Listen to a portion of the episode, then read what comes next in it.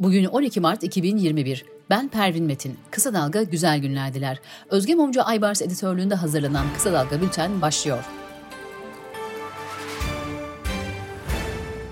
İstanbul Çatalca'da 2019'da pazar yeri alışverişi yaparken tartıştığı bir kadına yediler yediler doymadılar. Millet açlıktan ölüyor, utanmadan hala AKP'ye oy veriyorsunuz dediği iddia edilen 63 yaşındaki Dürdane Özselgin hakkında 3 yıl 4 ay hapis cezası istendi.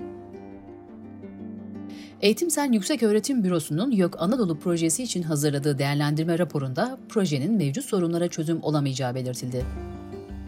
İstanbul'da 8 Mart'ta düzenlenen Feminist Gece yürüyüşüne katılan 18 kadın hakkında sloganlarla Cumhurbaşkanı'na hakaret iddiasıyla gözaltı kararı verildi.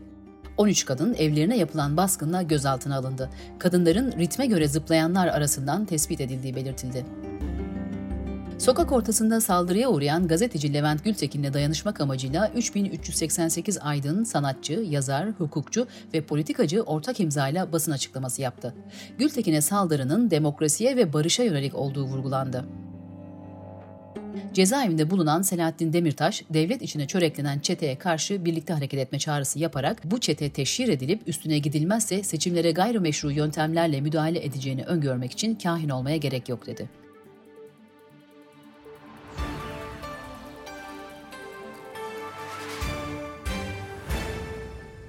CHP İstanbul Milletvekili Sezgin Tanrıkulu gazetecilere yönelik saldırıların meclis tarafından araştırılmasını talep ederek TBMM Başkanlığı'na önerge verdi.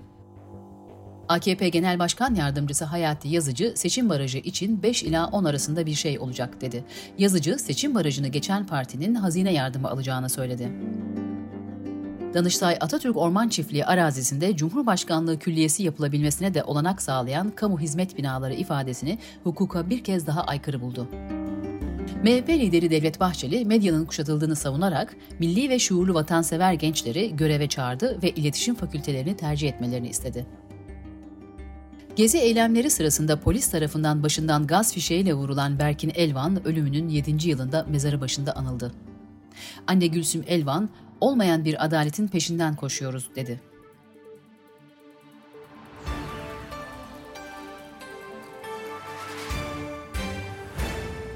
Kırgızistan'da bulunan Dışişleri Bakanı Mevlüt Çavuşoğlu, Kafkasya'da kalıcı barışın mümkün olduğunu vurgulayarak bizim kapımız Ermenistan dahil bu temenniyi paylaşan herkese açık dedi. Covid-19 haberleriyle devam ediyoruz. CHP'nin pandeminin birinci yılı nedeniyle hazırladığı raporda halkımız bir yılda 1500 dolar fakirleşmiş, yoksulluk oranı %8.4 artmıştır denildi. Harvard Üniversitesi'ne bağlı Boston College öğretim üyesi Emrah Altındiş, vakalarda 6000 seviyesi bugünlerde 13.000'e geldi. Nisan ayı 3. zirvenin habercisi olabilir dedi. Türk Tabipleri Birliği 2. Başkanı Ali İhsan Ökten, kısıtlamaların gevşetilmesinin ardından artan vaka sayılarına dikkat çekerek bu şartlarda normalleşmeye geçmek mümkün değil. Bu kontrolsüz bir normalleşme olur dedi. Türkiye genelinde berber, kuaför, güzellik merkezi, sauna ve masaj salonlarını kapsayan denetimlerde 2000'den fazla işletmeye idari işlem uygulandı. İsrail'de risk grubunda bulunan 600 çocuğun aşılandığı ve ciddi bir yan etki görülmediği belirtildi aşı üreticisi şirketlerin çocuklar üzerindeki aşı çalışmaları devam ediyor. Sırada ekonomi haberleri var. Cari işlemler hesabı Ocak'ta 1 milyar 867 milyon dolar açık verirken 12 aylık cari işlemler açığı 36 milyar 599 milyon dolar oldu. Beklentiler cari açığın 1.68 milyar dolar düzeyinde gerçekleşeceği yönündeydi. Eğitim İş'in 45 ilde düzenlediği bir ankete göre eğitim çalışanlarının %80.56'sının aylık geliri yoksulluk sınırının altında, %32.1'i ise ek iş yapıyor. İşçilerin bürüt maaşından kesilerek oluşturulan işsizlik sigortası fonunun toplam varlığı son 6 yılın en düşük seviyesine geldi. Fon varlığı %28.29 eridi. Tunceli Belediye Başkanı Türkiye Komünist Partili Fatih Mehmet Maçoğlu, tasarruf için ihale sistemini kaldırdıklarını ve kentteki tüm işlerin belediye ve halkın desteğiyle yapılacağını duyurdu. ABD Hazine Bakanlığı'nın raporuna göre Şubat ayında federal hükümetin bütçe açığı 310.9 milyar dolar olarak hesaplandı. ABD'de 2021 yılı mali yılının 5. ayı olan Şubat ayı itibariyle toplam bütçe açığı 1 trilyon doları aştı. Dünyadan gelişmelerle devam ediyoruz.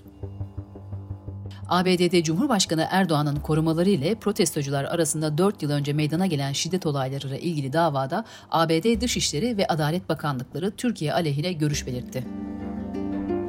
Irak Kürdistan Bölgesel Yönetimi Papa ziyaretinde basılan pullardan birinde Türkiye'ye ait toprakların Kürdistan haritası içinde gösterilmesiyle ilgili tasarlanmış herhangi bir pulun basımı için henüz bir onay kararı bulunmamaktadır açıklamasını yaptı. ABD'nin Arkansas eyaletinde kürtaj yasaklandı. Enses ve tecavüz mağdurlarının da kürtaj yaptırmasını yasaklayan yasaya sivil toplum kuruluşları tepki gösterdi. ABD Senatosu Başkan Joe Biden'ın Adalet Bakanı adayı Merrick Garland'ı 30'a karşı 70 oyla onayladı. Garland, Senato'daki Cumhuriyetçilerin lideri Mitch McConnell'ın bile desteğini almayı başardı. Japonya'nın Fukushima kentinde 2011 yılında meydana gelen deprem ve nükleer felaketin kurbanları anıldı. Tüm ülkede saygı duruşu ve nükleer karşıtı protestolar yapıldı. Bültenimizi kısa dalgadan bir öneriyle bitiriyoruz. Filiz Yavuz, Fukushima felaketinin 10. yılında iktidarların nükleer sevdasını ve dünyayı bekleyen tehlikeleri iki bölüm halinde kaleme aldı. Filiz Yavuz'un yazılarını kısa dalga.net adresinden okuyabilirsiniz. Gözünüz kulağınız bizde olsun. Kısa Dalga Medya.